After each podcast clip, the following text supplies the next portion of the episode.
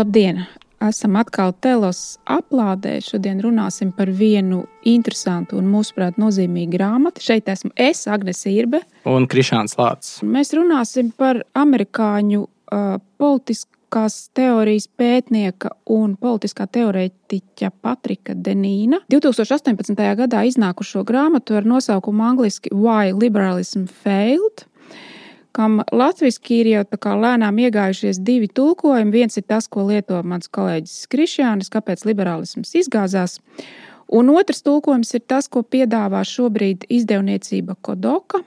E, Jāzep Baško vadībā, kas gatavo šīs grāmatas tulkojumu latviešu, cerams, iz, iznāks nākamā gada sākumā.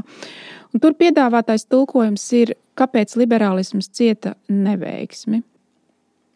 Mēs, jā, pirmkārt, sāksim ar to, ka mēs ļoti atbalstam Kodokas lēmumu šo darbu uh, tulkot. Un es pirms es dodu Krišjānam vārdu nelielam ievadam par šo grāmatu, pateikšu to īsi to savu skatījumu.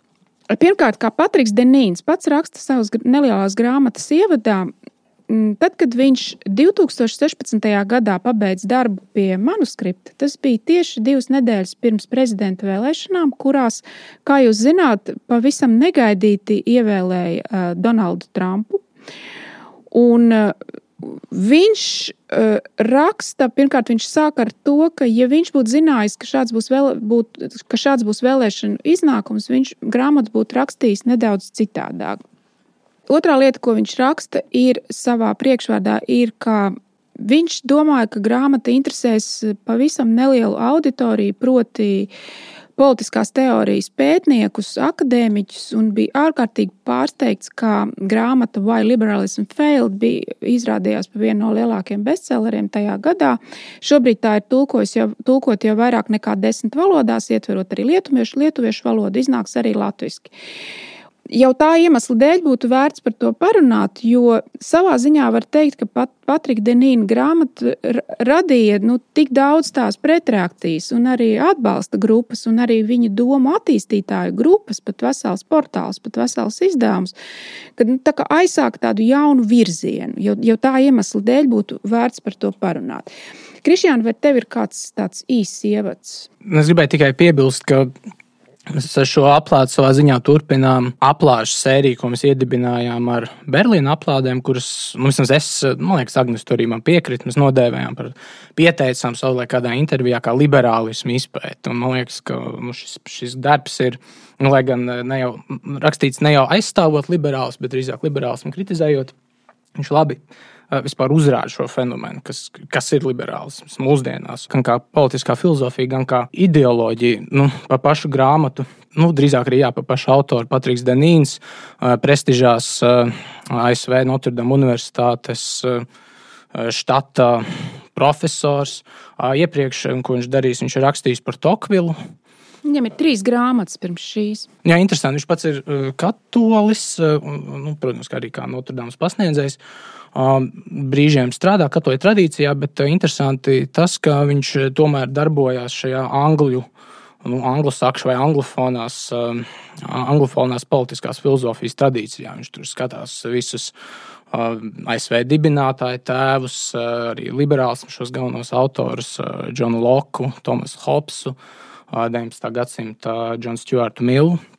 Viņš orientējās tajos tekstos, bet vienlaikus sasaista klasisko tradīciju ar, ar, ar, nu, ar Platonu, ar Aristotelu, Akvīnu Tomu un visiem pārējiem.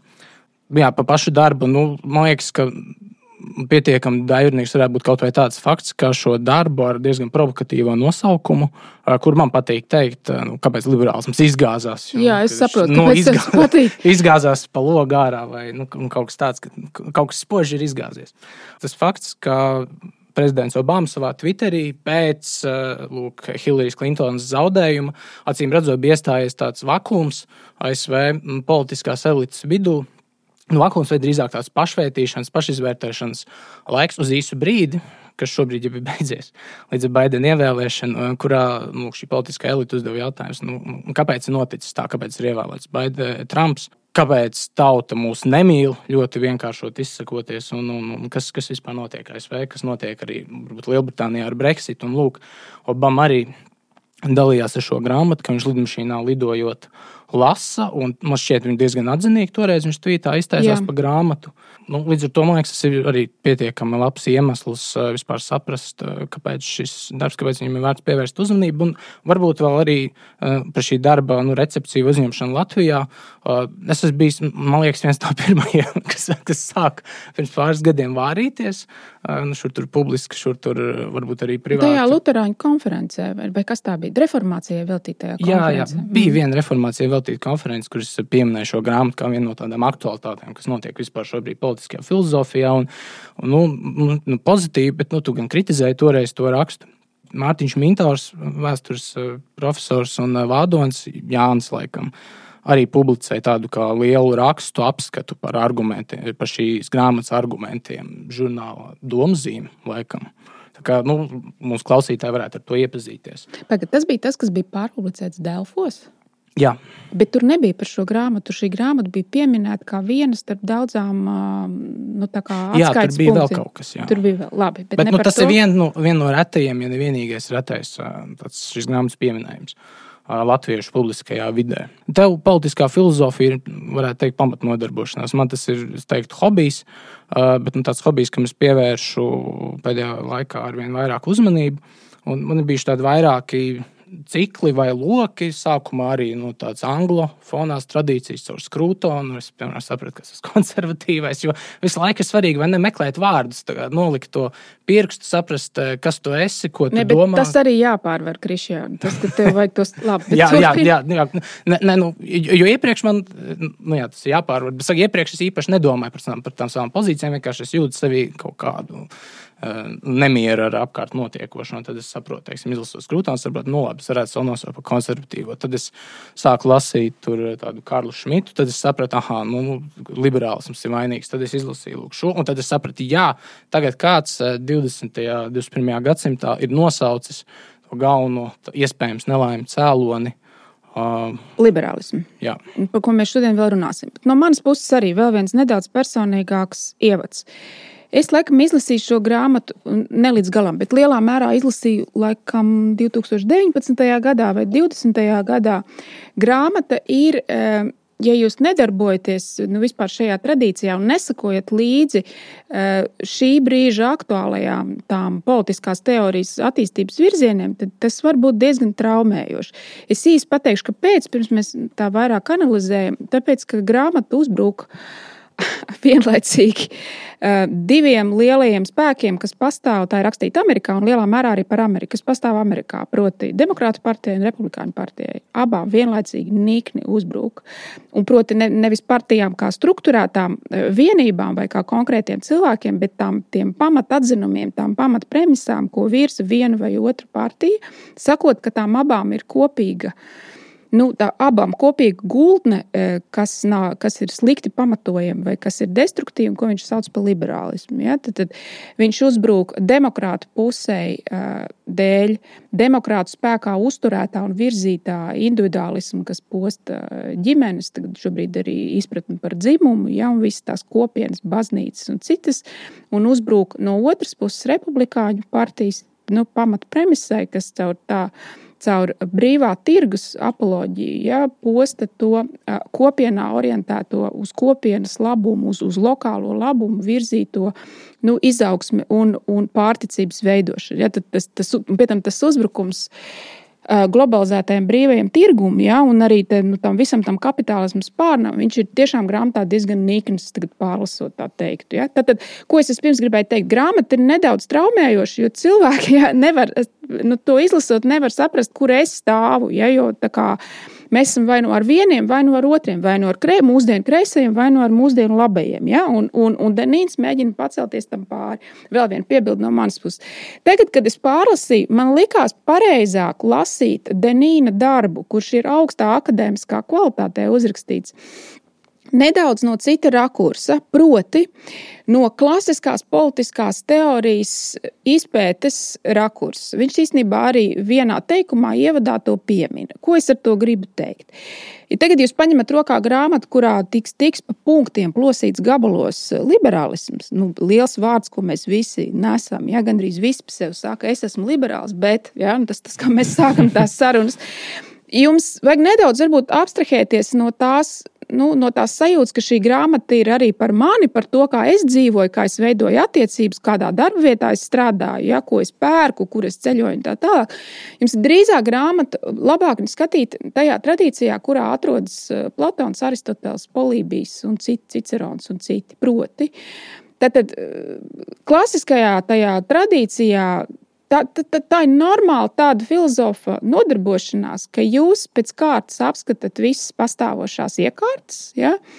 Demokrātija, aristokrātija, oligarhija, tirānija, monarhija. Ja? Un, un tad, tad jūs varat, nu, abstrahējoties no tā, kur jūs pats šobrīd dzīvojat, redzēt viņu vājos punktus, spēcīgās puses, labumus, iekšējos draudus, potenciālos sabrukuma cēloņus. Ja? Un, ja jūs tā uz to skatāties, ka liberālisms ir noteikta ideoloģija, Par ko ir arī grāmatā? Par ko ir arī grāmatā? Ja jūs tā uz to skatāties, tad jūs, manuprāt, varat tomēr no nu, to Denīna darbu labāk novērtēt. Mēs varam eh, liberālismu kā fenomenu tomēr sadalīt, eh, nu, kā uz to var skatīties. No vienas puses, tiešām kā ideoloģiju, kā politisko filozofiju, vai arī nu, kā noteiktu tādu politisko iekārtojumu, noteikti konstitucionālu satversmisku iekārtojumu, kur ir garantēts kaut kādas tiesības. Uh, nu, nezinu, liberālas konstitūcijas ietvaros, kur ir varu dalījums, kur ir kas vēl liberālās, nu, tā saucamajās liberālās konstitūcijās. Nu, jā, šie kaut kādi garanti un, un,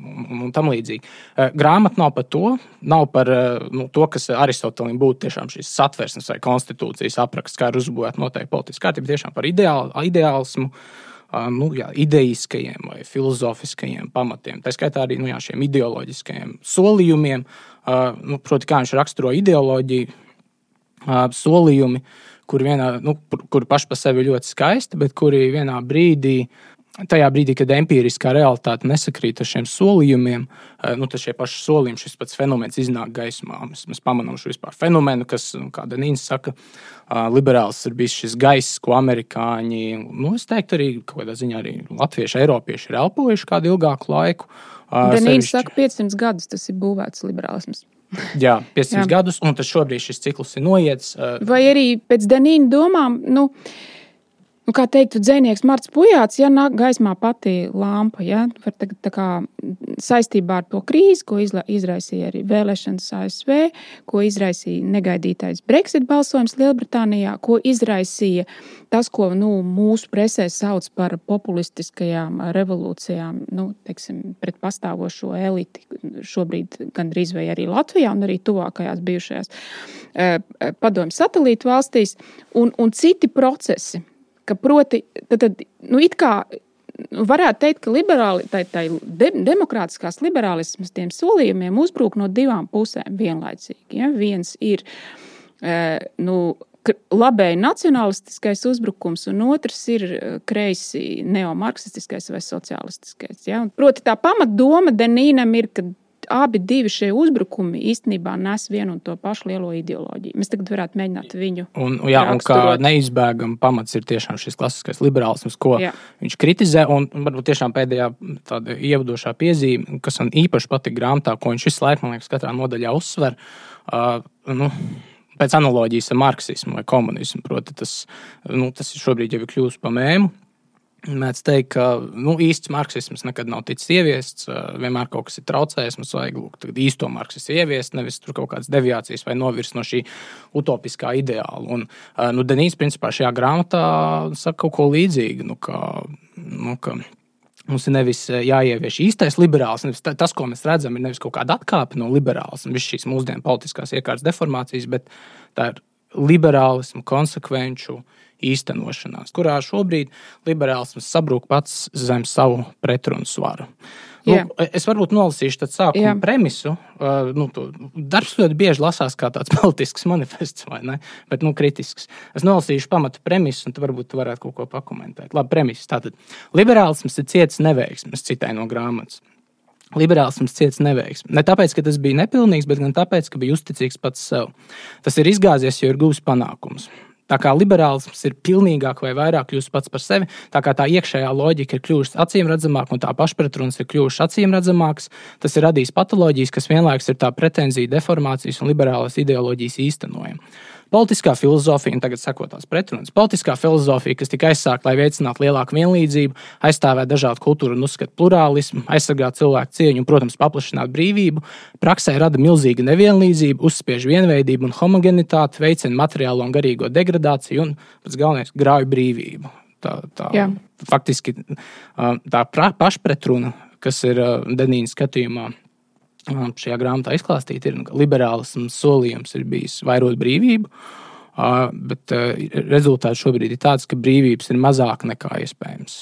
Jebkad. Jā, un tas ir saistīts, ka brīvības ir mazāk nekā iespējams. Šobrīd liberālisms ir ieiet savā apgājas fāzē. Jā, tu esi brīvs jau no ģimenes saitēm, tu esi brīvs jau no pienākumiem, tu esi brīvs faktiski no sava no dzimuma izpausmes. Jā, tu esi arī brīvs nomirt, kad un kā tu vēlies. Tad viņš ieiet savā nu, tajā, pilnīgajā uzvaras uh, stadijā. Uh, kur ir tā pati liberālisma problēma? Ja? Tad, tad Dārns ļoti pareizi pirmajā nodaļā sāk ar jēdzienu analīzi. Libertāts nāk no Eh, no latīņu valodas. Eh, brīvība ir viens no centrālajiem jēdzieniem jau antīkajā eh, politiskajā domā, bet tas ir lietots nu, tā, ar citu nozīmi, bet tas ir lietots pavisam citā kontekstā. Un tas, tas, ko saprot ar brīvību, tas, ko saprot ar brīvu cilvēku, bija pavisam kas cits. Mēs esam it kā apvērsuši to, to modeli.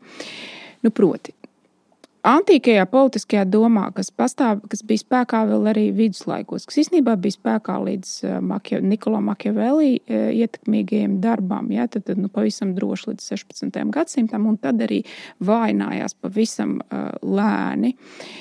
Brīvs cilvēks nav vergs.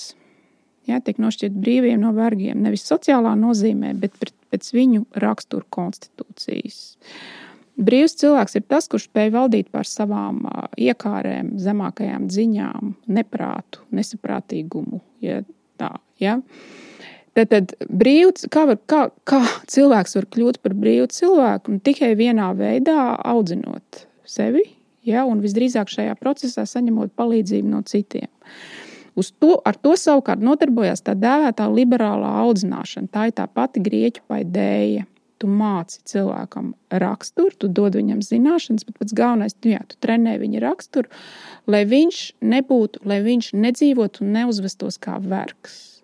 Verdziskā uzvedība ir tad kalpošana savām, nu, ko mēs mūsdienās teiktu, subjektīvi individualistiskajām nu, ziņām, tieksmēm, es nezinu, pēkšņām iedvesmām. Angliskajā tulkojumā ir tas vārds, ko grūti pārtulkot, man liekas, apetites.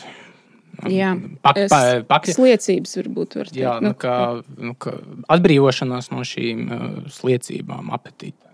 Jā, un uh, antikajā pasaulē, arī, arī viduslaikos, bija ļoti skaidri sap, nu, arī novērojumos balstīti, bija ļoti skaidri saprotams, ka, lai cilvēks varētu noturēties uz šī, nu, verga nebūšanas ceļa ja, un rīkoties un uzvesties kā brīvs cilvēks, viņam ir jāatrodas tam atbilstošā vidē. Ja, viņam ir tad, tad jāsaņem labs piemērs no citiem, jau sākot no bērnības. Viņam ir jābūt kaut kādā kopienā, kas viņam nu, to, to, labo, to labo piemēru dod un viņam šajā procesā palīdz. Un tā ir tā.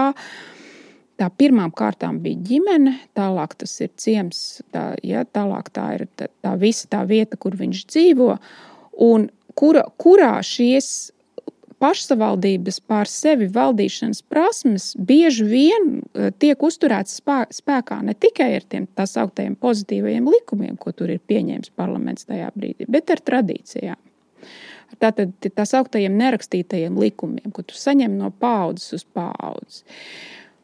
Denīna tēze ir tajā, ka Tad, kad liberālisms, tā kā mēs mūsdienās to saprotam, ja, bet kur saknes ir vismaz 16.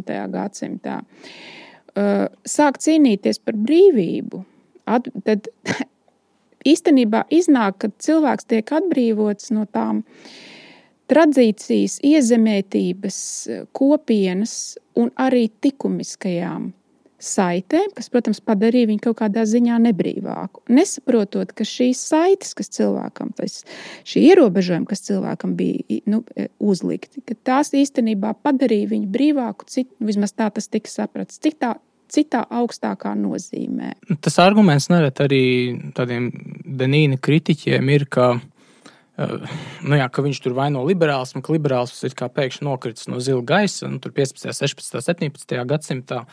Un, eh, nu, tad, tas ir tas bublis, ar ko mums ir jācīnās. Tā ierastā kritika ir, ka, nu, nē, paskatieties, kaut kādā ziņā jau tas, ko minēju, šī nu, liberālās eh, domas tradīcija ir rodama jau no grieķiem, caur kristietību. Apgaismību līdz pat šodienai. Un, nu, un Denīna arguments ir tāds, ka nē, vienā brīdī tiešām visi šie pamatjēdzieni, tradīcijas, nu, piemēram, brīvība, pašnoteikšanās, likums, valsts vara un tam līdzīgi. Visi šie pamatjēdzieni kaut kur ap 17. un 18. gadsimtu tika pārdefinēti. Nereti, sasnie, nereti iegūstot gandrīz vai pretēji nozīmi tam, kas sākotnēji tika domāts, piemēram, par brīvību, kā nu, pašpārvalde vai brīvība no iekārēm un kaislībām, kur, piemēram, nu, teiksim, liberālismā, nu, modernajā 18. gadsimta liberālismā, tiešām nu, cilvēks kaut kādā ziņā jau ir piedzimis, brīvs Un, uh, nu, tas, kas ir teiksim, jādara politiskajai iekārtai, ir nu, jāatbrīvo no dažādām šīm spaidu formām, kuras teiksim, iepriekšējā, vecajā modelī būs bijušas drīzāk nu, tie, tie nu, nezinu, kā to nosaukt, tvertnes vai vietas, caur kurām cilvēks tiek iemācīts būt brīvs, kuras jaunajā modelī tiek uzskatīts par spaidu varu. Kāpēc ir šis lielais uh, grāmatā, šis nozīmīgais uzsvers uz cilvēka raksturu, uz cilvēka uh, spēja tikt galā ar savām kaislībām, ziņām un iedomām. Un turēties uz nu, teiksim, cilvēku būšanas ceļa, ja, neatslīgt, neatslīgstot tajos zemākajos slāņos, kas arī jau tik ārkārtīgi baidīja antīko pasauli, nu, lopiskajā, zvēriskajā, ja, kas, kas tev tur uz tā ceļa. Danīns ļoti pareizi uzsver, manuprāt, to, ka nu, tā cīņa ar cilvēku zemākajām kaislībām, ja, kas ir destruktīvas un arī pašdestruktīvas. Viņa kaut kādā ziņā bija e, nu, tā, vismaz 17. un 18. gadsimta visas tās liberālās retorikas pamatā. Ja, jo, jo, jo nu, redzēja valsti kā tādu struktūru, kas apspiež to individu, un liberālisms, nu, teiksim, monarhija, kas apspiež, aristokrātija apspiež, nu, baznīca, baznīca tālāk apspiež. Tā, tā tas tajā retorikā izskanēja, ja, kas nevienmēr bija tiesa. Un redzēja, redzēja liberālismu uzdevumu no apakšas pienākt pietuvoties šim mazajam cilvēkam un viņu atbrīvot no tiem briesmoņiem, kas viņu no augšpuses žmiedz. Ja? Tiem it kā tiem valsts lielajām institūcijām, kas viņu žmiedz. Un tad tādā ziņā nu, tajā klasiskajā liberālismā, kā Denīns ļoti labi uzsver, ja, viņam ir tā ļoti nozīmīgi bija absolūti minimālās valsts varas uzsvers. Ja, valsti absolūti, nu, lai neviens neapspiestu. Ja, valsts Domā, pilda tikai, jā, valsts pilda tikai, tieši tā, valsts pilda tikai pašus, tos, tos pašus, pašus minimalistiskākos uzdevumus. Bet Un, manuprāt, Denīds pareizi tā, tā pa soļiem ejot, arī rāda, ka lai liberālisms piepildītu savu ideālu, atbrīvotu cilvēku ja, no visiem tiem, kas viņu apspiež. Mm, viņam, jo vairāk liberālisms to sasniedz, jo, jo paradoxālā kārtā, jo vairāk ir to, nu, to apspiedēju. Viņi tikai nāk no citas puses. Ja? Nu, varbūt var, mēs, mēs nerunātu tā ļoti abstrakti, teikt tādu ļoti nu, konkrētu piemēru par to, kas, kas ir tas, par ko Denīns runā. Ja? Nu, nu, ka liberālisms mūsdienās ir radījis, nonākdams gandrīz savā tajā apgājuma stāvoklī, viņš ir radījis kaut kādu masīvāko, birokrātisko, pat pārvalstisko valsti un institūciju tīklu. Ja, lai gan doma bija tikt vaļā no tā. Nu, un šī modernā un, un, valsts. Kas, un, un pie tam viss šis, šis, šis birokrātiskais, modernā valsts, tikai aug. Ja?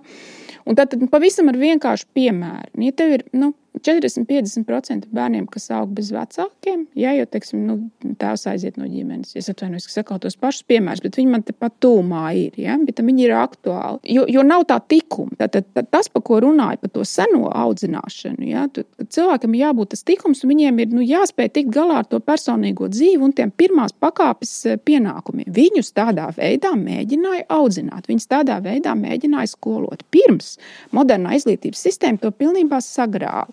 Tad, tad, kurš, tad aiz, nu, kurš tad kompensē to atbildības trūkumu, ja, pašsavaldīšanās trūkumu? Ja, kur, nu, īstenībā, nu, tad, tad atbrīvojot cilvēku no tā pienākuma, sanāk, ka tas pienākums tiek pārnests uz valsti. Bet mums ir pieaugušas Ja, nu, gan sociālais budžets, ja, gan visas tās organizācijas, kurām tas ir jādara attiecībā uz bērniem, attiecībā uz veciem cilvēkiem, kur vairs nav ģimene kas, nu, vai kopiena, kur viņi dzīvo un kas par viņiem rūpējas. Ja, attiecībā uz slimajiem, attiecībā uz tiem visiem. Tad, tad protams, ļoti vienkārši izsakoties, liberālisms noārda to neliberālo pamatslāni kas viņam bija nepieciešams, uz kuru balstīties. Ja? Un kas ir ģimene ar visiem pienākumiem, dzimta ar visiem pienākumiem, mazā cilts ar visiem pienākumiem, ja? tālāk draudzene, ja? tālāk mazā vietējā skoliņa, mazā korporācija, ja? mazā ģilde, ciema padome, vecajos senāts, to noārdot, lai atbrīvotu cilvēku no tiem, kas viņu tur tajās žņaugos. Ja?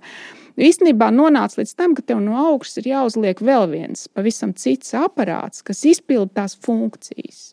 Viņš ļoti labi ilustrē, nu, īstenībā nevis viņš, bet atsaucoties uz tradī, tradicionālu attēlu no Hopsa uh, grāmatas vāka, kur, nu, ja jūs klausītāji esat redzējuši šo nu, klasisko attēlu, kā tiek uh, Hops, nu, šis Hopsa levietāns, kā viņš tiek zīmēts grāmatas vākā. Tas ir jā, ļoti ir, skaista bilde. Jā, ir tikai šis lielais valsts ķermenis, ko angļuiski mēs saucam par nu, body politiku vai līdzi, tam līdzīgi. Šis lielais valsts, valsts ķermenis, ko mēs vienkārši varētu nosaukt par valsti, kurš sastāv no sīkiem šiem atsevišķiem atomāriem, individuāliem cilvēkiem. Denīns to komentē tā, nu, ka lūk, tagad ir īstenojusies šī Hopsa vīzija, 17. gadsimta vīzija, kur tiešām e, pastāv vai nu tikai valsts, vai tikai šie atsevišķie indivīdi, starp kuriem nav nekādas saites, jo valsts šīs saites ir pārņēmusi savā pārziņā. Uh, un, nu, jā, un nekā cita nav. Es varbūt nolasīšu vienu citātu, komentējot to, ko tu teici. Liberāls un pamatā bija valsts varas ierobežošana un individu atbrīvošana no patvaļīgas politiskās kontrolas. Taču ar vien vairāk pilsoņu uzskata valdību par vienību, kas ir no viņa paša gribas un kontrolas nošķirta, nevis viņu radīt un vadīt, kā to sola liberālā filozofija. Mūsdienu liberālismu ierobežotā vara, tā saucamā izraisīt greizsirdību un izbrīnu senākajos tirānos, tā skaitā 18. gadsimta absolūtajos monarhos, kur varēja tikai sapņot par tik plašām iespējām uzraudzīt un kontrolēt pārvietošanos, finanses un pat rīcību un domas. Brīvības, kur aizsardzībai liberālisms tika radīts, individu, sirdsapziņas, reliģijas biedrošanās vārdu un pašpārvaldes tiesības ir plaši apdraudētas, valsts varēja paplašināt īstenot savu iesaisti visās dzīves jomās, kur šie individi paši pieprasa. Jā, vēl par tiem viņa argumentiem vai tām pamatfilozofiskajām premisām, varbūt var pakomentēt. Tā es tūlīt atradīšu. Viņš saka, ka notiek vienā brīdī, kāpēc vispār notiek šo pamatjēdzienu pārdefinēšana. Viņš saka, Es arī citēju, ka modernā konstitucionālās, stingri juridiskie un politiskie noteikumi paši par sevi nav liberāls režīms, taču tos virza divi pamatprincipi. Viņš to sauc par divām tādām revolūcijām, kuras notiek 16. un 17. gadsimtā. Tātad, tātad dziļākie antropoloģiski pieņēmumi, kas piešķir liberālajām institūcijām īpašu vērstību un ietvēru. Pirmais - antropoloģiskais individuālisms un voluntārais izvēles jēdziens, un divi - cilvēku nošķirtība no dabas un pretnostījums tai. Tas ir šīs divas lietas, kuras viņš pirmajā nodaļā, un kādā ziņā arī otrajā nodaļā, tādā filozofiskāka tipa refleksijā izklāsta. Jā, galvenais, ka ir, ir tā, ka lielākā daļa cilvēku šo kritiku jau ir dzirdējuši. Iespējams, arī daudzkārt, vai ne? Tā tad pārmet subjektīvo individualismu, ja, cilvēku atomizāciju ja, un, un dažādas negatīvās sekas, kādas mēs esam simtreiz dzirdējuši. Un šo cīņu pret dabu arī esam simtreiz dzirdējuši. Ja? Katreiz, kad mums ir kāds raksts vai, vai mēs kaut ko lasām bioētikā, kā šis arguments tiek izvilkts, un, un viss tikai saka, nu jā, jā, nu, jā, mēs zinām, jūs tā uzskatāt cīņu pret dabu slikti. Nu, tā, ja, bet Un, ap citu, šajā reakcijā, ko es arī sevī varu nu, redzēt, ja, jo es jau arī ar šīm idejām, liberālismu kritiku kaut kādā mērā saskāros vēl, man liekas, vidusskolā. Ja. Man liekas, tas, kas Denīnam labi izdodas, parādīt to, nu, ka ideoloģija ir kā ūdens, un tu esi kā zivs. Tu nejūti, ka tu peldi, peldi tajā ūdenī. Un tev jābūt ļoti lielam satricinājumam vai spēkam, vai tu tagad pagrieztos un teiktu, kāds šodien ūdens, ja? kas, esmu, nu, kas ir ārpus šī ūdens? Mēs vēl arī otrā daļā noteikti par to runāsim. Ja? Mēs, mēs nemākam, mēs esam apgaismības bērni, mēs nemākam citādāk nu, vispār uz to paskatīties. Tas prasa tādu gandrīz sevis pārprogrammēšanu. Ja? Nu, to pamatu premisu, apšaubāmo pamatu premisu, liberālismu pamatu premisu saskatīšanu, nu, faktiski, jeb, nu, jeb tur, kur pat mēs nekad neesam domājuši, ka varētu viņus saskatīt. Saprotu, ko es saku. Ja? Un, un tas to, šo grāmatu padara par tādu, nu, katrā ziņā, nu, kā, kā minimums, in, nu, interesantu intelektuālu tādu mēģinājumu. Ja? Vai mēs redzam to, cik dziļi mēs esam tajā paradigmā? Nolasīšu vienu citātu, piemēram, par vienu tādu liberālu aspektu, kas man kopš nu, tiešām nu, varbūt kāds no 20, 15 gadus nekad nav paticis. Proti, eh, tas citāts ir par šo uzsveru, ka, eh, nu, ko viņš nosauc par vienu no liberālismu revolūcijām, ka eh, visām saistībām ir jābūt brīvi izvēlētām. Protams, jādod, jābūt devušiem piekrišanu, būtu jābūt devušiem šis konsent, kā angliski saka. Un, Un kas man nekad nav pārliecinājis. Jo, nu, jā, skaidrs, ne, jā. nekad nav pārliecinājis. Es vienmēr. Nu, nu, jā, es, man, es nekad nevarētu, nekad neesmu sevi saucis vai uzskatījis par liberālu. Jo nu, nu, šis princips, ka nu, bezmazliet liberāls mētīgs augstākais princips, ka nu, viss ir atļauts, kamēr mēs neesam vienojušies par, par pretējo, vai viss ir atļauts, kamēr mēs nenodaram viens otram kādu sāpju vai pārestību. Nu, tas, tas nav pārliecinoši, bet ļoti daudz tas ir pārliecinoši. Nu, un, un šī, es iepriekš pieminēju to revolūciju voluntārajā izvēlē. Tieši, nu, voluntārismam, ko tas nozīmē? Tātad, Citāts. Jaunais bija tas, ka institūcija, sabiedrības piedarības, līdzdalības un pat personisko attiecību vērtēšanas pamatprincipu pamatā sāk dominēt individuālās izvēles apsvērumi, kas balstījās uz individuālu interesu aprēķiniem, plašāk neņemot vērā savas izvēles ietekmi uz sabiedrību, savas saistības pret radīto kārtību un, visbeidzot, pret dievu, pret līdzpilsoņiem, ģimenēm un tam līdzīgi. Proti, viss, ka, ko tu neesi brīvi izvēlējies, nu, tas ir jāuzskata par spaidiem. Un, lai no šiem spaidiem atbrīvotos, tev ir jāpiesauc valsts vara, valsts institūcijas, kuras tad, nu, tevi padara brīvāk, paplašinot tos, šos tavu uh, brīvās piekrišanas došanas lauku, kas, kas man vienmēr ir šokējis. Vai mēs varam vismaz dažus piemērus no, no grāmatas astoņām nodaļām, nu, ne septiņām nodaļām, pieminēt. Ja es būtu dažus nosaukšu, ja tur ir. Mums bija diezgan grūti gatavot šo aplādi, jo viņš dod ļoti plašu materiālu. Ja tur varētu pa katru nodaļu garīgi eh, tirzāt un arī teikt, tam piekrītu, tam nepiekrītu. Tā, ja? tad, tad vienu mēs jau uzsvērām. Ja? Individualisms uh, nu, izlaužoties no, tās, no, tām, no tiem ģimenes, dzimtas, ciema, ja, vietējās kopienas eh, pamatiem, nevis atbrīvot to individu, ja, bet pieprasa to, to, ko viņš sauc par steitismu, ja, es teiktu, etatismu, pēc, nu, pieprasa to lielo valsti, ja, kas satur to, to visu kopumu kopā. Ja, cilvēks viens pats nevar. Vai tu gribi varbūt komentēt komentēt par liberālismu kā antikultūru, vai varbūt par tehnoloģijām, vai par izglītību, vai arī par to, kas bija ļoti interesanti nodaļa sestā, ka liberālisms aizsākās kā cīņa pret veco aristokrātiju, ja, kurai ar savām nepamatotajām prasībām, pretenzijām, to, to visiem galvas nostos nogāzām. Ja, nu, visu laiku mēs runājam par to egalitārismu, vienlīdzību, ja, līdztiesību, ja, bet Nu, tādas elites, kā ir šobrīd, nu, tik jaudīgas, pārnacionālas korporatīvās elites, ja, pat nevarēja iztēloties pirms simts gadiem.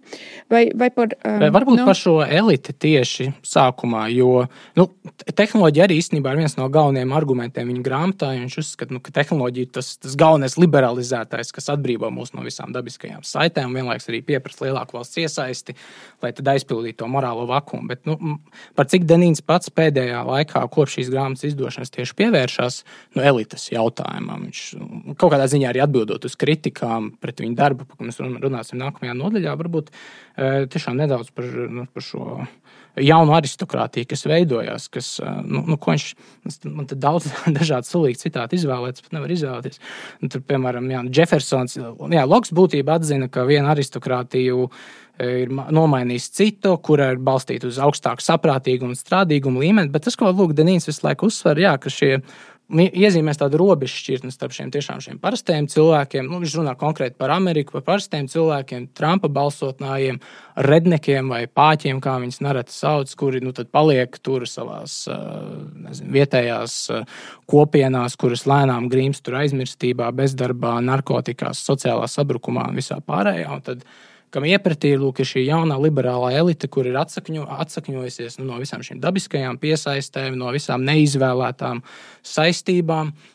Kur nereti SV sakarā runā par šo jauno aristokrātiju vai, vai eliti kā par nu, tādu flyover country eliti, kā to sauc. Nu, tāda, kas lido no uh, Losandželosas uz Ņujorku un atpakaļ, pārdot, neliekoties nezinu, nedēļu, par, jā. Jā, par, par tiem cilvēkiem, kas uh, dzīvo visā valstī pa vidu. Un arī, nu, kad paskatās uz socioloģisku, uz ASV balsojumiem, tur ir skaidri redzams, ka vienā krastā balso un otrā par konkrētu partiju un pa vidu balso. Tad, nu, proti, par demokrātiem vai ultraliberāļiem pa vidu balso, nu, varbūt pa klasiskāku vai tādu tradicionālāku liberālu. Nu, lūk, es mēģinu atrast kādu tādu Nu, spēcīgi citāti. Nu, jā, ka, piemēram, šo jauno eliti vada vai aristokrātija vada tādu uzvarētāju loģiku, nu, ka viņi ir uzvarējuši šajā dabiskajā cīņā, un tad pārējie ir zaudētāji. Un, un, un viņiem pienākās viss tas, ka viņi lūk, nav iemācījušies, piemēram, programmēt, vai nav iemācījušies, piemēram, savā ciemā atvērt tur jaunāko mm, sojas lattes eh, bāru un, un tādā garā. Lūk, Citāts varbūt viens, jā, jau no paša sākuma liberālisms solīja jaunu aristokrātiju, ko veidos tie, kuri uzplauks atbrīvojot individu no vēstures, tradīcijas, dabas un kultūras, kā arī nojaucot vai iznīcinot institucionālus balstus, kas tika no jauna definēti kā brīvības ierobežojumi vai šķēršļi.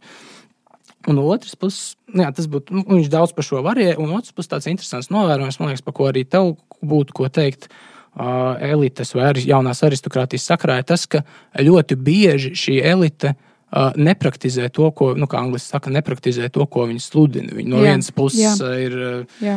Nu, pēc iespējas lielāku brīvību, izvēli, dažādību un tā līdzīgi, bet no otras puses viņiem ir tomēr ļoti, nu, šīm liberālajām elitēm aristokrātijām ir, nu, piemēram, viņi dzīvo šo tradicionālo ģimenes dzīvesveidu. Viņiem ir ļoti stabilas ģimenes struktūras. Nu, salīdzinoši stabilāks, jā, ar, ar, ar melnādainiem iedzīvotājiem ASV tādos, nu, mazāk bagātos štatos. Jā. Tā ir tā izglītotāja elite, ir kaut kā ātrāk sapratusi to tā, argumentus, ja, kas pārliecina par liberālā modeļa nespēju būt ilglaicīgam. Ja, viņi ir jau lēnām, tas bija arī tajā. Regnerus grāmatā, ja, kur pētīja cilvēku attiecības un to, nu, kādas seksuālās attiecības veidojas un kā vispār. Grāmatā saucās Cheap Sex. Jā, jā. Tas bija arī tur, arī parādījās, ka nu, tie, tie pārtikušie izglītoties nu, slāņi, ja viņiem ir noturīgākas attiecības, ja biežāk paliek vecāki kopā, ja ir bērns, ja arī laulības retāk šķiet, tas izklausās kontraintuitīvi, bet tā šobrīd ir. Tas ir saistīts, zini, arī ar to, ka pārticība nodrošina papildus kaut kādas ekstras Ja, nu, piemēram, tev var būt uh, lifestyle coach, tev ir psihoterapeits, tu vari. Ja tev rodas problēma no, ar, nezinu, ar alkoholu vai kaut kādām vielām, ja, tad tu nu, izēji to, to, to retrītu vai kaut ko, tu, tu nu, saņem kaut kā, tu nopērc faktiski to palīdzību, vai kas tev ir vajadzīga, vai privātskolotāju bērniem. Un kad faktiski tad, nu, to viņš nesaka, bet es no savas puses varu teikt, nu, ka liberālā elite ir nu, ārkārtīgi veiksmīgi spējusi korumpēt to dēmosu ja, tās lielās masas, kas ir apakšā. Tas liberālais, liberalizējošais modelis, viņš nāca no šauras elites, tur Oskars Vailts, ja, un tur nu, kaut kāda tāda frāze. Jā, jā, tieši tā kuriem bija viņu laikā pilnīgi traks, eh, nu, kristīgi nepieņemams dzīvesveids un tā tālāk. Un visu laiku likās, ka tās masas noturēsies, jo viņas ir tajā iesakņotībā. Viņas klausa vectētiņam, vecmāmiņai. Viņas iet uz draugiem svētdienās, ja? viņas turās. Un tad no tās liberālās elites noplūda tā kā lejā, un tagad tā, nu, tā inde varētu īstenībā teikt, ja tā individualismā sautīgā inde, viņi ir pārņēmusi visu to apakšu. Tas bija mūsu arī telos, vien, kas man arī šokēja tajā rakstā, ko Girds Brūders bija izpētījis ja, par melnādainajiem cilvēkiem, ka viņiem ir nu, viss sliktāk, vissliktākais stāvoklis. ASV, nu, ka viņiem ir 70% no bērniem e, aug tikai ar māmu, tad tēva nav.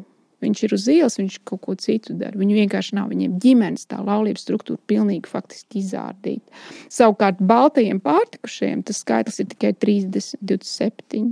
Un, man liekas, viņš ļoti labi norāda tajā vienā, nu, arī šajā nodaļā par cēlajiem meliem. Nu, proti, tu piesauc šo melnādaino piemēru, un viņiem no otras puses ir šie patroni aizstāvi, kur iestājās par viņu tiesībām.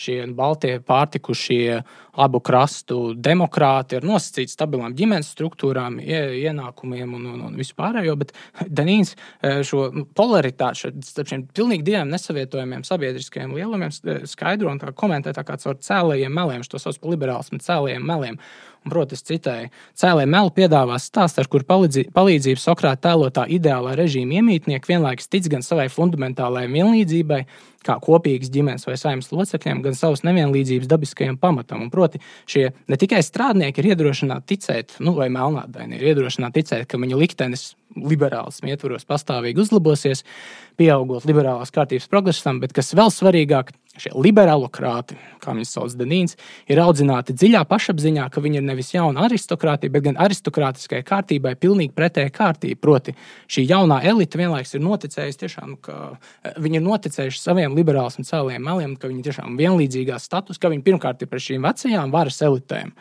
aizstāvot mazos, vājos uh, un iestājoties par viņu brīvībām un tiesībām.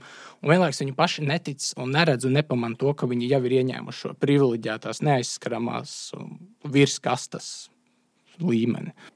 Jā, īsi ir rezumējuši, kur, nu, cik tālu mēs tikām šajā daļā, un pēc tam atgriezīsimies pēc pauzes. Tātad mēģinājumu jums pateikt, ka Patriks Denīns savā grāmatā Kāpēc liberālisms cieta neveiksmi Pirmkārt, mēģina mums parādīt, ka liberālisms ir ideoloģija. Tā ir viena no trīs lielām 20. gadsimtā pazīstamām ideoloģijām, un vienīgā, kas joprojām ir dzīva, dzīvelīga un, un tā, tiek atbalstīta, jo ir spēkā. Abas pārējās ir sev pilnībā diskreditējušas. Tās attiecīgi ir komunisms un fašisms. Ja, liberālisms ir uzvarējis. Vēstures gals. Jā, 89. gada uh, Fukujamas grāmata par vēstures galu. Tā bija tā tēze, ko viņš uzsvēra. Bija pilnīgi pārliecināts par to. Denīns saka, ka liberālisms ne tikai ir ideoloģija, tā ir ideoloģija, kas ir pretstatā cilvēka iedabai, tāpēc viņi zaudēs. Viņi ir labāki nekā pārējās, bet viņi zaudēs, jo viņa pati sevi ēd. Viņa ēd sevi no, nu, no iekšpuses ārā. Ja? Viņa ir apēdusi visu, ko varēja apēst. Draudzītes apēda, ģimeņa struktūra apēda, ja, to, nu, visu, kas apkārt ir, mazās korporācijas, mazās ģildes, visu to apēda, apēda, apēda. Ir lielais tas globalizētais monstrs. Uh, ja, ar tām sludinātajām individuālajām tiesībām ja, un uh, likumu par naidu un tiem, kas tur runās pretī. Bet viņiem tas nebūs ko ēst. Ja? Tad tā, man, man liekas, ļoti spēcīgs tas, kas mani atmodināja. Nu, ka tam liberālismam vairs nav ko ēst, viss ir apēsts. Un tad viņš uzbrūk nu, iekšā ķermenim. Ja? Un tas ir tāds transseksuālisms kustība, ja? kā arī nu, standarta bioloģija noraida kā melus. Tie ir tie galējie nu, spaidi, galējās robežas, kas ir atlikušas. Jā, jo vairāk nav pārējais, viss ir sēsts. Nu, un, un Denīns saka, ka tas tā nevarēs turpināties. Tas, uh, tas beigsies. Un kas būs pēc tam, mēs nezinām, bet tas beigsies. Varbūt īsumā es arī rezumēšu vienā teikumā. Tātad liberālisms iestājās par, pie, par pēc iespējas lielāku cilvēku individuālās brīvības lauku. Bet vienlaikus liberālisms arī iznīcina vai apēda, kā tu saki, šīs dažādas bāzes vai pamats, kuri dara šo brīvību iespējamu. Un kas nav liberāli? Jā, un kas nav liberāli, un kas līdz ar to rezultāts tāds, ka cilvēks ir nebrīvāks nekā viņš bija pirms liberālisma. Būsim apakaļ pēc pauzes.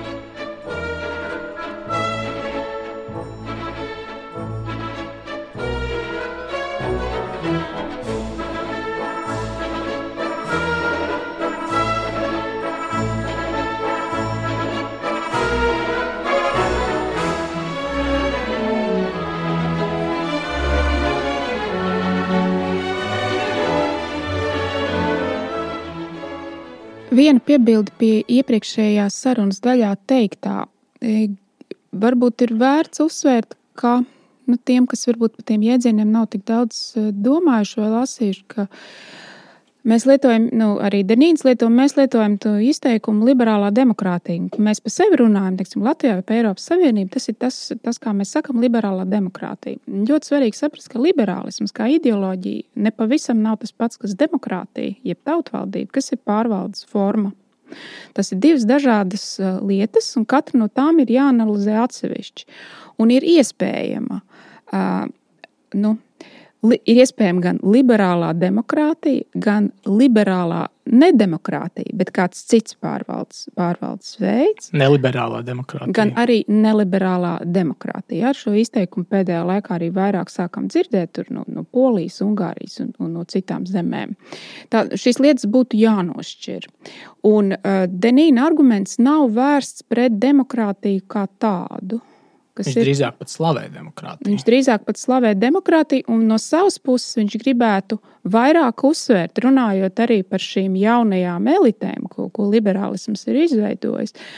Kā e, bieži vien un aizvien vairāk runāšana par demokrātiju, kā par tautas vairākumam, nu, vairākuma rokā nodotu varu, uh, ir savu veidu tāds tikai kniksis, ja, vai tikai tāds mājiens. Mēs to ļoti labi redzam šobrīd, nu, manuprāt, ļoti labi redzam Eiropas Savienības tajās augstākajās institūcijās un arī ASV. Nu, vai arī attiecībā uz Brexit, ja, tad, kad patiešām godīgās vēlēšanās tautas vairākums ir ievēlējis X vai nobalsojis par projektu X, tā tiek runāts, ka tā ir um, maldi, ja, māņi, ka tas tā nav, ka tie cilvēki tā nemaz nav domājuši. Ja, un īstenībā tas, tas iebildums ir, e, nu, ka tā liberālā elite, ja, kas pati neapzinās savu ideoloģijas spēku un to, kādā varā viņi ir. Nu, sevi uzskata par demokrātiem, bet tikai tad, ja demokrātiski tiek, nu, tiek nobalsots par kārtējo, aizvien vairāk liberalizējošo iniciatīvu.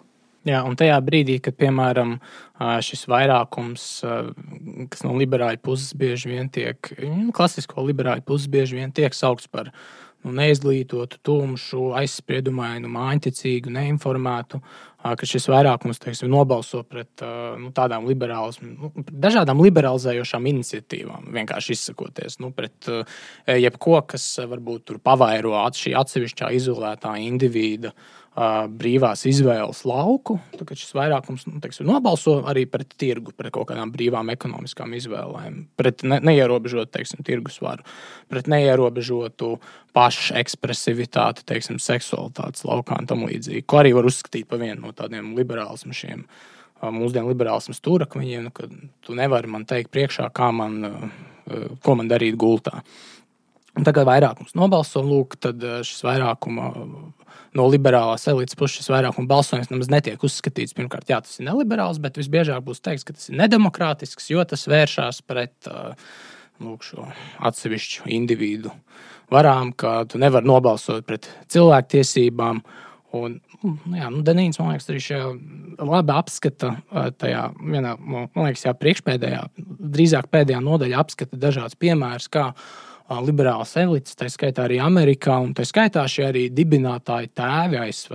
Nu, tur tā saucamie federālistu papīra autori, Džeims Madisons, Jeffersons un citi, kā viņi ar bažām skatās uz šo lielo masu, kurai no vienas puses tiek piedāvāta demokrātiska pašpārvalde, bet no otras puses viņi meklē dažādas tādas politiskās taktikas, kā lai drīzāk iemieso šos liberālos ideālus, šo neierobežoto, neierobežotās izvēles vairošanu. Tāpēc, teiksim, viena tāda medicīna piedāvātā taktika ir sēt no šīs liberālās uh, ideoloģijas solījumiem sēt neusticību pilsoņu starpā. Tā ka tiešām tu neusticies viens otram, uh, šī neusticība līdz ar to sagrauj vai sāk irdināt dažādas šīs stingrās uh, kopienu formas, tradicionālu kopienu formas, nezinu, ciema padomu. Nu, ko Denīns sauc par dažādām šīm pašpārvaldes, pašnoteikšanās tādām institūcijām, kurā cilvēki īsteno šo demokrātisko pašnoteikšanos. Nu, liberālās elites autori uzskata, ka, nu, ka jāsai neusticības starpā, radot faktiski jā, ar valsts palīdzību radošos uh, liberālos individus, kuriem pirms tam neeksistē, jo cilvēks ir sociāla būtne. Un, un tādējādi izspēlēt vienu pret otru kaut kā nu, veicināt šīs liberālās elites noturēšanos pie varas. Un, nu, jā, Denīns, manuprāt, to ļoti labi apraksta. Šo, nu, kā viņš to sauc, nedemokrātisko liberālismu.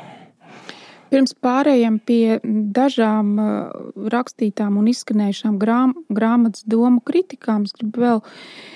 Nu, man, man bija nozīmīga tā daļa par uh, brīvo tirgu un visa šī kritika, pret kuru Latvijas konservatīvie, dažus tomēr pazīstam, dažus arī publicējam, ir tādi ārkārtīgi skeptiski, ja, ko var ļoti labi saprast, jo viņi ir uzauguši socialistiskā iekārtā. Ja, tā, tā, tirgus brīvība, viņiem ir tāds, tāda lieta, nu, pret ko nedrīkst kā, kritiski izturēties, ja, jo tad tu nu, pārēji tajā pusē, kur tu negribi nonākt. Danīts ļoti labi, manuprāt, tā parāda, ka tā ir arī kļūdaina izpratne par tiem pamatprincipiem.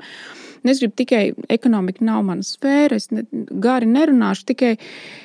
Divi piemēri, lasot, bija man galvā no manas, mana laika, ko es pavadīju Francijā. Viens ir, tu zini, tādu Jose Bovē, es dzirdēju.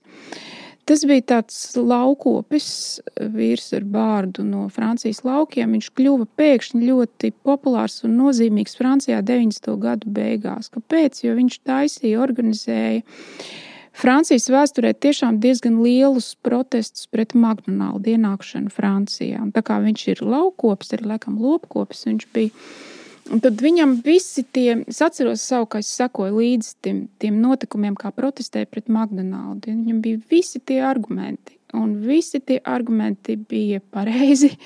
Viņi sevi ir parādi, nu, pierādījuši. Ja? Nu, pirmkārt, Francijas, Francija pietiekami, Francijas laukopība pietiekami attīstīta, varam pabarot studentus. Ja? Uh, Eh, visus tos, nu, nu, arī tos cilvēkus, kam nav daudz naudas, vajag ātri paēst. Jā, varam uztaisīt savu to ātrās ēdināšanas sistēmu ar saviem produktiem. Otrakārt, franču kulinārās tradīcijas, jā, salīdzinot ar McDonald's, jā, kas ir tūkstošiem garus, gadus senas, ar ko viņi ļoti lepojas, ja tur, tu, es nezinu, 500 sieri un tā tālāk. Treškārt, aptaukošanās arguments, jā, ja ienāk tajā zemē McDonald's, kas ir pats lētākais, visus izkonkurē, jā, tad tā jauniešu un arī skolu jauniešu aptaukošanās aptaukošanās līkne pieaug. Tas vienkārši ir fakts, to redzi no citām zemēm, kur tas tā ir. Tad visi tie argumenti bija. Un jau tajā laikā, kad viņš tik spēcīgi nu, iestājās, nē, mums Francijā to nevajag. Mums ir sava pārtika, neņemam šo Amerikas ja, lielo konglomerātu, ja, nu, nelaižam viņu šeit. Bija pilnīgi skaidrs, ka viņš zaudēs. Tas tā kā nu, viņš zaudēja, protams, tajā cīņā. McDonald's ir katrā mazajā pilsētiņā pat vairākiem. Ja. Un es atceros to sajūtu, nu, kā Frančija saka, ka tu cīnies par kospērģiņu, par zaudētā cīņā, bet tu vienalga cīnies. Tagad ir pagājis tas laiks, ja viņš zaudēja, bet kaut kā atceries to cīņu. Un tad otrs, par ko es domāju, lasot, arī bija nu, mūsu arī jau pieminētā Velbeka grāmata Serotonīns, tā pēdējais romāns, nav vēl tulkots latviski. Un tur ir arī tas mm, laukopības jautājums pacelts. Ja? Nu, piena ražotājs Francijā nevar uzražot to pienu tik lēti, lai izkonkurētu, es nezinu, Slovākus, Poļus vai kur tur vēl to pienu. Ja? Un, tas savā ziņā ir pilnīgi absurdi, ka franči to savu sieru taisa ne no vietējā piena, bet importētājiem. Un kāpēc tā ir? Un jo īpaši grūti klājās nu, tiem nu, lopkopiem, kas grib, nu, lai tām gotiņām būtu īsti nu, sienas, ja, ka viņiem ir labi apstākļi. Bija ļoti skaisti tajā romānā aprakstīts, nu, ka viņi grib labi darīt to darbu. Viņi negrib masveida lopkopību industriālo, jo viņi grib turēt tās gotiņas, pārdot to pienu. Tajā vietējā ciematā taisīt to sieru ka tu nevari to izdarīt. Viņi cīnās caur ministriju, viņi cīnās caur Eiropas Savienības tiem augstākajiem visiem lopkopības, kas tur ir pārvaldēm. Ja? Tu vienkārši esi zaudējis. Jo tas globalizētais tirgus un viņa tā ideoloģija, viņa pārāk spēcīga, tev samaļ vienkārši. Nu, tur beidzās to, to šaušanu, to pašnāvību. Un tas kā tas romāns tā, no vienas puses liekas, tas ir pārspīlēts, bet tāpat laikā saproti, ka nē, un ka viņi cīnās par kaut ko pareizu. Mēs vienkārši netiekam ārā no tās ideoloģijas. Un joks jau arī nu, par ekonomiku runājot runājot šajā Denīna grāmatā, ir tas, ka viņš ļoti pārliecinoši parāda, par to ir ļoti daudz arī vēstures grāmatas, kā vispār izveidojās modernais kapitālisms. Bet viņš ļoti pārliecinoši tās grāmatas pamata argumentācijas līnijas ietvaros parāda, kā valsts, šī modernā valsts, ko it kā atsevišķais indivīds ir radījis, bet kur vienlaikus reciprokāli ir radījusi un turpina radīt un uzturēt šo izolēto individu, ka šī modernā valsts iejaucoties vienlaikus plānveidīgi ir radījusi šo it kā neierobežotu brīvo tirgu, kurā nav nekāda starpnieka institūcija, kurā nav, teiksim, arī pats tirgus. Um, kā Denīns atsaucoties uz tādu Karlu Palaņī raksta, ka nav tirgus kā reāla sociāla vieta, kura būtu piepildīta ar kaut kādu morālu nozīmīgumu. Tām, uh, jo ko, ko dara nu, šis morālais nozīmīgums, teiksim, arī tirznieciskos darījumos, arī tirgu kā reālā, lokālā, teiksim, vietējā vietā ietvaros. Jo, nu, nu, kā, tie ir kaut kādi rāmi, tie ir pazīšanās, tur ir kaut kāda sociāla funkcija, tur arī šie morālie ietvari kādi var būt tam, ko tu ražo, patērē, pēc pārdod un tam līdzīgi. Un tad viņš to parāda, ka valsts sistemātiski teiksim, izskauda šīs ekonomikas starpnieku, vienības. Mazos veikaliņus, piemēram. Mazos veikaliņus, jā, ar valsts tiešām tādu diktātu vai intervenciju, vai teiksim, kam valsts arī, kā mēs Latvijā ļoti labi redzam, kam dod priekšrocību, teiksim, dod priekšrocību lielo platību zemniekiem, maziem zemniekiem atkal mazāk grūtāk. Lielāka, teiksim, pašvaldībās lielāka priekšrocība atkal šo lielo platību veikaliem. Tur vienai maksimai talsos, nevis nu, stāvs galvenās ielas, tur nezinu, 4, 5, 6 mazajiem, mazo tirgotāju veikaliem. Un arī tas nenotiek nevis tā nejauši, kā to nereti kapitālismu apoloģē dara. Tas notiek tiešām ar valsts intervenciju, valsts aktīvas darbības iejaukšanos. Šis brīvais, tā saucamais tirgus, tāpat kā brīvais indivīds, neierobežot brīvais, tiek radīts. Jā, un viņš ir to lielo zivju pusē. Nu, beigās tā sanāk, ka viņš ir lielo zivju pusē. Ja? Un tie, tie morālie argumenti viņos it kā ieklausās un saka, jā, jā, jā gan attiecībā uz McDonald's, gan attiecībā uz visu, gan attiecībā uz gotiņām, ja, uz visu, bet viņi zaudē viņi kaut kā zaudē, jo tur ir tas jautājums, kas jautā, kāpēc viņi zaudē šie argumenti. Ja viņi ir, viņi ir, viņi ir formulēti, vai viņiem ir grāmatas, kāpēc viņi zaudē. Tas ir tāpēc, ka tā ideoloģija izvirza to utilitāti kā pirmo ja, derīgumu. Un tad, kad tu saki arī, nu jā, bet tas derīgums un tas utilitāte un tā zemākā cena nāk pa lielu, nu, liela maksa ir, ja? kāds samaksā viņu, vai nu gotiņas, vai tas ciemats, vai tas veikaliņš. Tur reāli cilvēki, samaksā to cenas starpību. Un tad tā atbilde ir, jā, jā, jā, tā varbūt ir, tam ir zaudējumi, bet kopējā tā, nu, tas iegūms vai nodokļos vai kā citādi, viņš ir lielāks. Un tad tu kā no otras puses mēģini ar to nodokli, ja, ar to iepludināto naudu, kā aizbāzt to caurumu. Ja, tur veidojas tas, nu, tas savā ziņā aburtais lokus. Pārējiem pie kritikas. Jā, jā kritikas vai reakcijām uz, uz Denīna grāmatu. Uh, ar kuru nu, jau ir vairāk izdevumi arī Amerikā iznākuši. Ja? Tad, tad sarakstīta 16. gadā, pirmais izdevums bija 18. Es nezinu, kāpēc tik vēlu, bet arī jāuzsver, ka, nu, kā pats Denīns savā priekšvārdā raksta, viņš pats šīs domas nu, bija formulējis jau tur dekādi iepriekš, ja? jau bija pārdomājis un pārdomājis. Un tas bija kā nu, noformulējis šajā grāmatā to savu skatījumu. Nu, Galvenā argumenta faktiski Obamas otrā perioda laikā jau bija noformulēta, noslīpēta. Tas ir 2014. un 2015. gadā. Jā, turklāt jāuzsver, ka tā kā viņš atsaucās uz ļoti plašu sekundārās literatūras klāstu, arī ļoti labi ir redzams, ka nu, liberālismu kritika nav jauna. Ne? Nu, ne, no, ne no ekonomiskās puses, ne no tās sociālās puses. Viņa ir ļoti sena, viņai tur bāze ir, protams, vismaz Aristotelā, ja ne senāk. Gaši. Tas interesantais ir jautājums, jautājums, kāpēc tieši šobrīd viņu sadzird. Nu, tā šķiet, ja redzot, cik, nu, cik ļoti plaši pārdota ir šī grāmata, ja, un cik, cik Denīns ir nu, nozīmīgs šobrīd kā domātājs Amerikas Savienotās valstīs. Mēs pēkšņi dzirdam tos argumentus. Ja, ir, kā, tur viņam ir taisnība, ka mēs esam kaut kur nu, tuvu tam lūzumu posmam. Nu, ka, uh, nāk gaismā pati lampa. Ja? Mēs redzam, ka te ir kaut kāda problēma. Es nezinu, cik jā, latviešu klausītājiem, piemēram, būtu interesanti šie tādi vēsturiskie tās iebildumi, kā tos varētu nosaukt, kur teiksim, viņi varbūt simpatizē šī autora domai, bet viņi saka, nē, nē, paskatieties, ASV konstitūcija tomēr nav, piemēram, tik liberāls dokuments kā. kā Konstitūcija, neatkarības deklarācija nav tik liberāls dokuments, kā to teiksim, tēlo Danīns. Danīns tiešām ļoti kritisks, viņš ir ASV pilsonis, bet viņš ir ļoti kritisks pret šo vispār, pret savu valsti, pret to, kā šī ir. Principā, piedod, tev pārnes, bet principā viņš saka, ka Amerikas Savienotās valsts uz, ir dibinātas uz dokumentu, kur pamatā ir ideoloģija, kas ir kaitīga un bīstama. Un kas ir pašaceļoša. Un pašaceļoša, jā. nu, un ar to principā nav skaidrs, kur tālāk iet ja, no šī Jā, un, protams, līdz ar to tāds raksturīgs šī nu, Denīna darba kritika ir no nu, varbūt tiešām jā, republikāņiem vai republikāņiem simpatizējošiem vai tādiem klasiskā liberālismu, bet konservatīvas ievirsas autoriem, kurš saka, nē, nē. Lūk, šī amerikāņu pamatdibinātāja dokumentos tomēr ir gana daudz par kopīgo labumu, par, nezinu, par dievu, par, par, jā, par kristīgu valsti, par, ka tiesības tajā brīdī tomēr it kā varbūt tiek salāgotas ar pienākumiem, ka amerikāņu revolūcija nav tas pats, kas franču revolūcija, kas nu, gribēja visu aizslaucīt no tabula rasa, ka vēl citi argumenti, ka ir jāskatās uz ASV federālismu, iet, proti, uz ASV konstitūciju vispār uzbūves federālismu ietvaros, ka viena lieta ir lūk šis ietvers, kurā dažādiem štatiem, dažādiem cilvēkiem sadzīvot, cita lieta ir, teiksim, ko štati vismaz 18. un 19. gadsimta sākumā raksta savās konstitūcijās, kur, piemēram, nu, tāda Massachusetts 18. gadsimta konstitūcija, kas, starp citu, joprojām ir spēkā, tiek piesaukts kā piemērs, kā pretdenīnu, ka, lūk, paskatieties, lūk, cik šis ir neliberāls dokuments, jo tur ir tiesības līdzsvarots ar pienākumiem, tur ir iedibināta oficiālā reliģija, tur tiek piesaukts kopīgais labums, liels uzsvers uz šīm pašpārvaldes institūcijām, um, mazie, nu, kā Bērgs to sauc, Little Platoons of Society, šie mazie sabiedrības pulciņi. Un, nu, tādi tipi argumenti, kur, nu, nu jā, nu, nu es nezinu, kā saka angliski, take it or leave it. Nu, nu, es nezinu, cik tas ir interesanti latviešiem. Bet uh, uh, cita varbūt tāda kritika būtu, ka, uh, ko es saskāros, ka Denīns nav gana.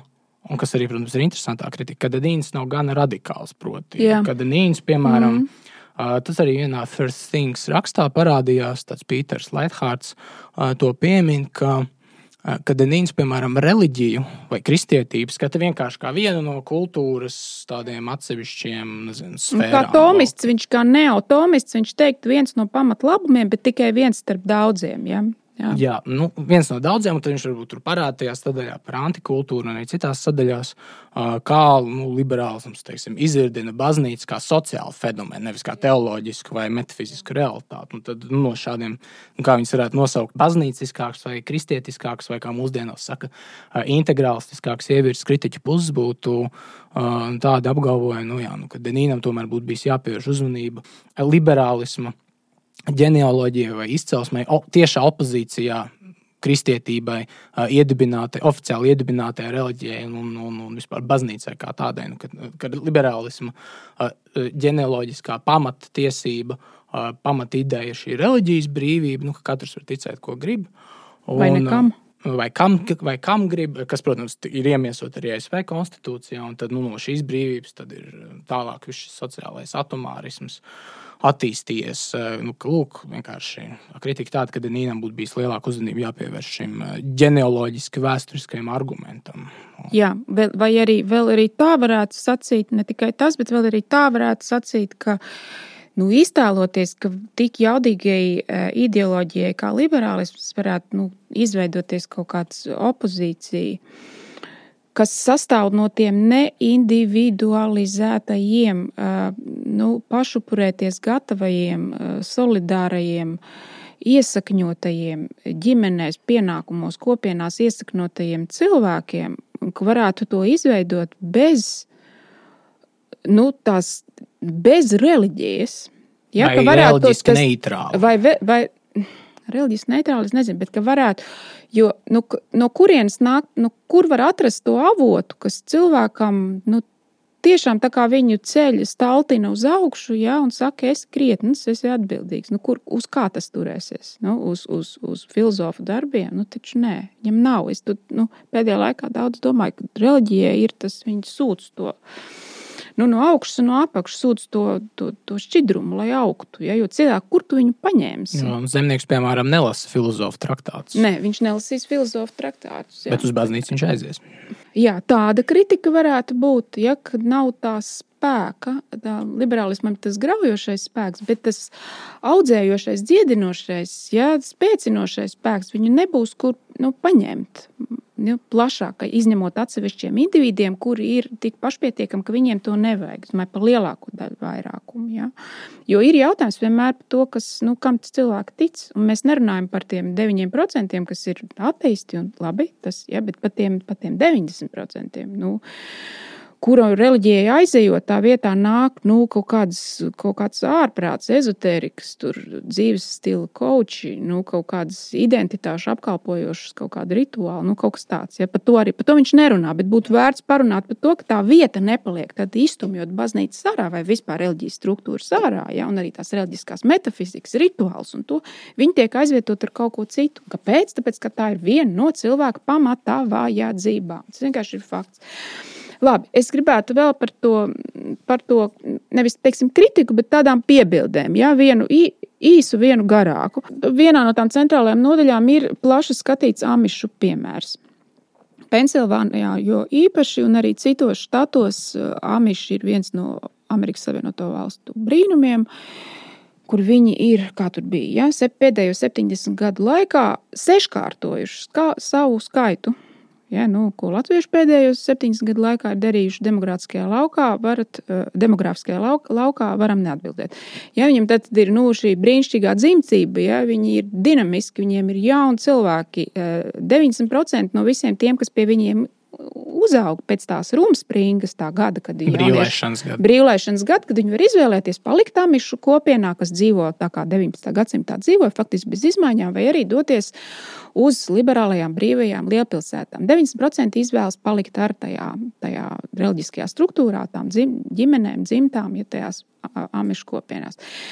Amišu piemērs ir spilgts, interesants daudzējādā ziņā, jā, sākot ar to, ko viņš tur min, kad ir lietas, ko viņi neļauj darīt, ko mēs vairs nesaprotam. Piemēram, ka nedrīkst būt ap, apģērbs ar rāvēslēdzējiem. Jā, labi. Bet to mēs vienkārši nesaprotam, bet tās citas mēs saprotam, un arī Denīns mums palīdz vēl labāk saprast, nu, kāpēc nav apdrošināšanas. Ja, kāpēc, ja kaimiņam nodeg māju, tad viss kā pārējie kaimiņi palīdz uzcelt. Ja, kādā veidā tas veido tās saites starp cilvēkiem. Kā komunālā šķūņa celšanā. Amiši. Komunālā, jā, tieši tā. Un arī kopīgi visi tie bērnu pieskatīšanas, nu, tie, tā, tie pasākumi, jā, kopīga audzināšana. Un tāda arī, nu, tāda, tomēr, dien, nu, tur ļoti daudz, un viņiem ir veselība ļoti laba. Amišu kopienās ir depresija, ir nulle, pašnāvība un šizofrēnijas skaits ir tur, es nezinu, cik reizes, desmit reizes zemāks kā pārējā populācija. Tur ir brīnumi. Viņi ir laimīgi. Un viņi ir laimīgi, viņi, jā, viņi ilgi dzīvo, viņiem, viņiem ir ļoti daudz ko labu pa viņiem var pateikt. Bet, uh, Nu, es neizvēlētos amišu piemēru. Galvenokārt tāpēc, ka nu, Patriks Denīns, ja viņš būtu amišs, dzīvojis un audzis tur, viņš nekad nebūtu varējis uzrakstīt šādu grāmatu.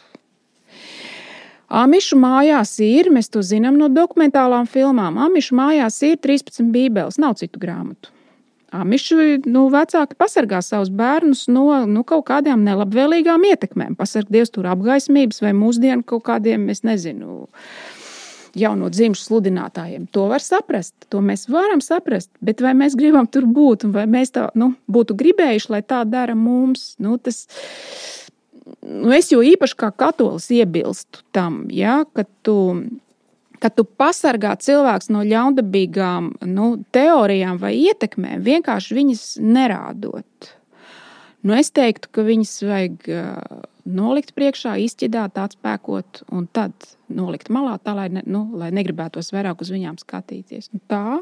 Saprotiet, man doma. Jā, bet uh, piesaucot amišus, man liekas, uh, mēs daļai arī pieskaramies tai tēmai, ka, viņš, uh, ko Danīns apskata grāmatas beigās, proti, kas nāk pēc liberālisma, kas ir Eh, liberālismu beigās. Ko mēs darām tālāk, kad liberālisms ir izgāzies, ciets, neveiksmi, beidzies? Tad, protams, nu, ja tas viņa... notiks. Ja jo tas ir vēl viens no pretargumentiem grāmatā, ir, ka jā, labi, labi, bet kad iespējams, ka tā nebūs. Atvainojos, tev pārtrauc, bet kad.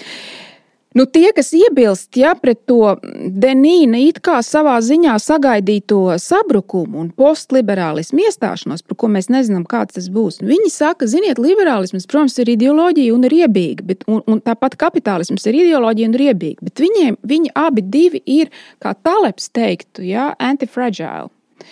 Ja? Nu, ar kapitālismu ļoti labi to var redzēt. Un marksisti to ir dekādēm runājuši. Mēs neesam marksisti, bet nu, šo argumentu es ļoti labi saprotu. Ka kapitālisms arī to kapitālismu kritiku nomazgā, pārpako un pārdod. Jā, un iesūdz sevi. Un iesūdz sevi, un ar prieku, un vēl saberzē rokas, un kļūst spēcīgāk. Un, un, un par liberālismu iespējams var pateikt to pašu. Tāpēc, nu, nu, kad Denīns kļūst, eh, teiksim, Denīna antiliberālisms kļūst tikai par vēl vienu dzīvesveidu opciju, nu, kaut kādai konkrētai cilvēku grupai, iekšā. Un par individuālismu izpausmi. Jā. Tikai tādā citā iepakojumā. Jo arī to pašu amīšu gadījumā var teikt, ka nu, labi, viņi tur dzīvo, viņiem ir sava šī ļoti neliberālā vai antiliberālā kopiena, bet lūk, viņi dzīvo zem šīs brīnišķīgās liberālās ASV konstitūcijas un Massachusetts vai Pensilvānijas štata konstitūcijas, kur garantē viņiem reliģiskās brīvības un, un visus pārējos liberālos labumus. Un, nu, jā, un ko darīt? Vēl ko Denīns dara, piemēram, grāmatā, viņš daudz atsaucās uz eh, tādu slavenu amerikāņu dzinieku, filozofu, zemnieku, agrārismu domas pārstāvu Vendelu Beriju.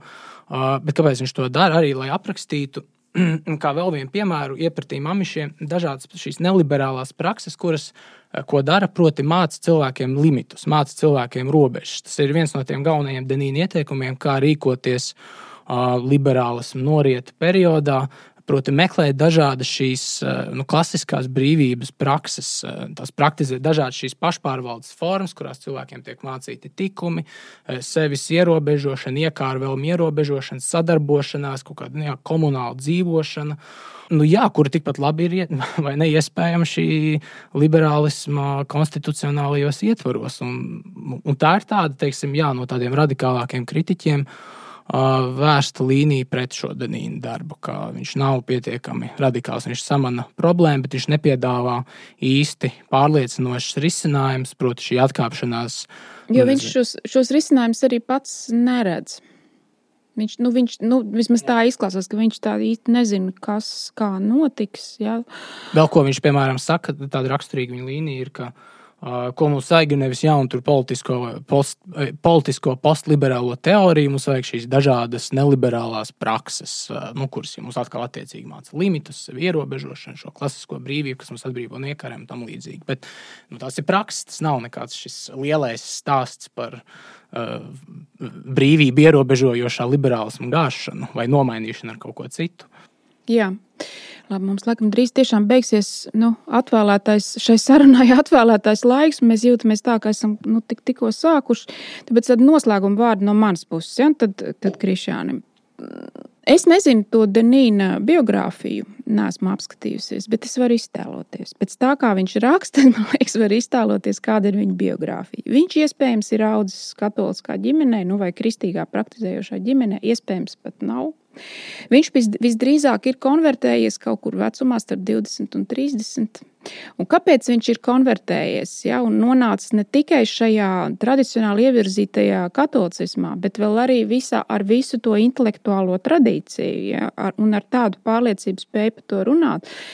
Nu, tas ir viena vienīga galvenā iemesla dēļ. Viņš to ir izdomājis pats. Viņš ir izgājis cauri visām nu, tiem cikliem, ja, kad tu šaubies, meklē, lasi. Eh, nu, ko es ar to gribu teikt? Ja? Nu, ka mums eh, varbūt negrūž šajā aplādē, bet, bet mums ir tev, Kristiāna, ir arī tās debatas, un arī nu, no tiem daudziem tiem, tiem Amerikas domātājiem, un arī šajā grāmatā ir tas viens teikums. Izskan tā kritika, lūk, tur Immanuels Kāns ar savu to cilvēku autonomijas argumentu, jā, tur salauza mūsu lielisko antiliberālo mantojumu, kas nāk no antīkās pasaules, jā, kur tu klausīji ciema vecajam, vai tu klausīji biskupam. Biskups pateica, tu dari tu klausīji tēvam, tēvs pateica, tu dari. Ja? Un tagad tu klausi, nu kā? Es un tu, vai ne? Un es domāju, arī Patriks Denīns, un es domāju, arī Patrika Denīna sieva, un es visdrīz, visdrīzāk domāju, arī Patrika Denīna trīs bērni. Viņi klausa tam, kam viņi piekrīt. Reizi. Jā. Ja? Tu vis, tu, ja? Un tas ir tas kanta arguments, tas piekritības arguments. Tu esi nu, izgājis cauri tam procesam, izslēdzis nepareizos modeļus, un tagad tu, tā ir tā brīvība. Tagad tu no brīvas gribas saki sev, es klausīšu biskupam. Jā, es, nu, proti, tas, ko, jā, jā, tas, ko tu gribi teikt, ir, ka apgaismība nav uh, pārvarāma. Ka apgaismība mums nāks līdzi, un mēs nevaram to tā vienkārši nogriezt kā nevēlamu augonu un atgriezties kaut kādā pirms apgaismības stāvoklī. Ko bet ir, Denins... iespējams, ar, jā, bet ir iespējams arī, ka, ka apgaismības robežšķirne arī būtu jāpārskata, un ka mēs, ja mēs tagad rūpīgāk paskatāmies uz viduslaikos publicētiem tekstiem, ja, tad mēs redzam, ka arī tur bija visādi virzieni. Ja ka varbūt apgaismība nav tas brīdis, kur, nu, un, un kā, nu, Sokrats runāja, ko gribēja runāt, tāpēc, ka ticēja tam, kāpēc, ka bija izdomājis, vai ne? Nu, tu gribētu novilkt tā taisnu līniju no Sokrāta līdz Kantam. Nē, arī negribētu. Es tikai gribu, tikai vēlreiz gribu teikt, ka Ja mēs runājam piemēram par rietumu kanonu, un mēs sakām, ka Džons Loks vai Tomas Hops vai kādi citi autori, ka tie ir mūs aiz, aiz, aizrāvuši visu šo lielo intelektuālo struktūru uz nepareizā virzienā. Es neredzu variantu, ka mēs sakām, nu, ka šīs ir noraidāmas grāmatas, un mēs viņus tā kā nu, nostumjam malā. Nu, nē, viņas ir jāatspēko, bet to ne. Proti, es neredzu, ka postliberālisms, ja tāds izveidosies, var izveidoties uz uh, runas un domas nebrīvas pamatiem, jo es vienkārši viņiem neticu. Nu, no manas iebildes, nu, jā, saprotu, iebildi, jā, jā, jā, es saprotu. Nu, mana argumentācijas līnija būtu tāda, ka, un arī pretēji Denīnam, jo Denīns arī saka, ka liberālisms ir noticis fakts. Mēs nevaram atgriezties pirms liberālisma. Tās morālās rezerves ir izsmeltas un, un tā tālāk. Un tā tālāk. Uh, bet uh, nu, tur es, piemēram, norādu uz pretrunu šajā nu, pret, nelielu pretrunu pašā Denīna tekstā. Viņš saka, ka šīs divas lielās revolūcijas, kas notiek, piemēram, cilvēku nošķiršana no dabas, kas ir liberālisms, tās galvenās konceptuālās iedzīves, kas ir revolūcijas, cilvēku nošķiršana no dabas. Un kas bija tas pirmais, jā, šis voluntārais, uz brīvu izvēli, individualistiskais cilvēks skatījums. Proti, viņš vairāk kārt uzsver, ka liberālisms pieļāvis būtiskas antropoloģiskas kļūdas. Proti, liberālisms balstās aplamos pieņēmumos par cilvēku dabu. Un to pašu varētu arī teikt nu, ja mēs at, attīstām tādu radikālāku Denīnu lasījumu, nu, ka, piemēram, visa apgaismības filozofija, tas pat arī Manuēls Kants, Uh, visticamāk, nu, no tādu reliģisko fanātiķu vai arī nu, dažādu reakcionāru skatu punktu. Tā, nu, tā vienkārši ap, aplamā, tas balstās aplamā antropoloģijā, aplamos piemēru, aplamos filozofiskos pieņēmumos, kurus jā, mēs varam atspēkot. Bet ko, da, ko, nu, ko notiek šo, kas notiek pēc tam, kad šie pieņēmumi ir atspēkoti? Jā, kas notiek tad? Kāds kādā sējumā ir atspēkojis? Lūk, un te nu, nāk nu? šis bieži vietā, nevietā piesauktais uh, Klēbs Teips Luīs citāts. Par progresu. Viņš kritizē progresu, ka nu, progress ir iešana no punkta A, lai sasniegtu kaut kādu noteiktu vietu. Uh, nu, punktu B vai punktu Z, kā šo gala punktu. Un, uh, bet nu, kaut kādā brīdī mēs nomaldāmies, un tad progress nebūtu, piemēram, turpināt iet pa šo nepareizo taku tālāk, vai kaut kā apiet apkārt nonākt kaut kādā gala punktā pa citu ceļu, jo mēs aizmaldāmies tālāk. Viņš saka, ka tajā brīdī, kad tu virzoties uz kādu mērķi, es nomaldījies no, no šī īstā ceļa, progress ir atgriezties atpakaļ tajā punktā kurā nu, tu sāki maldīties. Jā, tu sāki maldīties, kurā ceļš ir sazarojies, un tad turpināt ceļu īstajā virzienā. Un man liekas, ka tas izriet arī no šāda tipa darbiem, kur ir skaidri uzrādīts valdošās ideoloģijas aplamības, ka jā, mēs noraidām šīs aplamības, mēs, nu, jā, mēs tās neizdzēšam, tas kaut kādā ziņā šīs kļūdas, tā skaitā arī kā mūsu individuālā dzīvē kaut kāda morālie netikumi, morālās kļūdas, tas mums nāk līdzi. Bet nu, mēs tās nu, mēģinām izslēgt no savas dzīves. Tas nenozīmē, ka tās līdz ar to sastāv mūsu iespēju lauku vai paliek visu laiku kaut tāds, tāds draudošs damoklis zobens, kas mums velkās līdzi un kaut kā nezinu, saindē mūsu skatu. Bet, manuprāt, jā, ir iespējams pārvarēt šo nu, apgaismības nezinu, mantojuma apgaismības pieņēmums. Jo, ja, ja ir, ja apgaismība balstās antropoloģiskās kļūdās un maldīgos pieņēmumos par, nezinu, par lietu dabu, par metafizisku dabu, par, par universu, par cēlonību, tad nu, kas notiek? Mēs atspēkojam šīs kļūdas un atgriežamies vietā, kur ceļš sazarojās. Jā, atgriežamies vietā, kur ceļš sazarojas. Šodien studijā bija Agnese Irbe un Krišāns Lācis.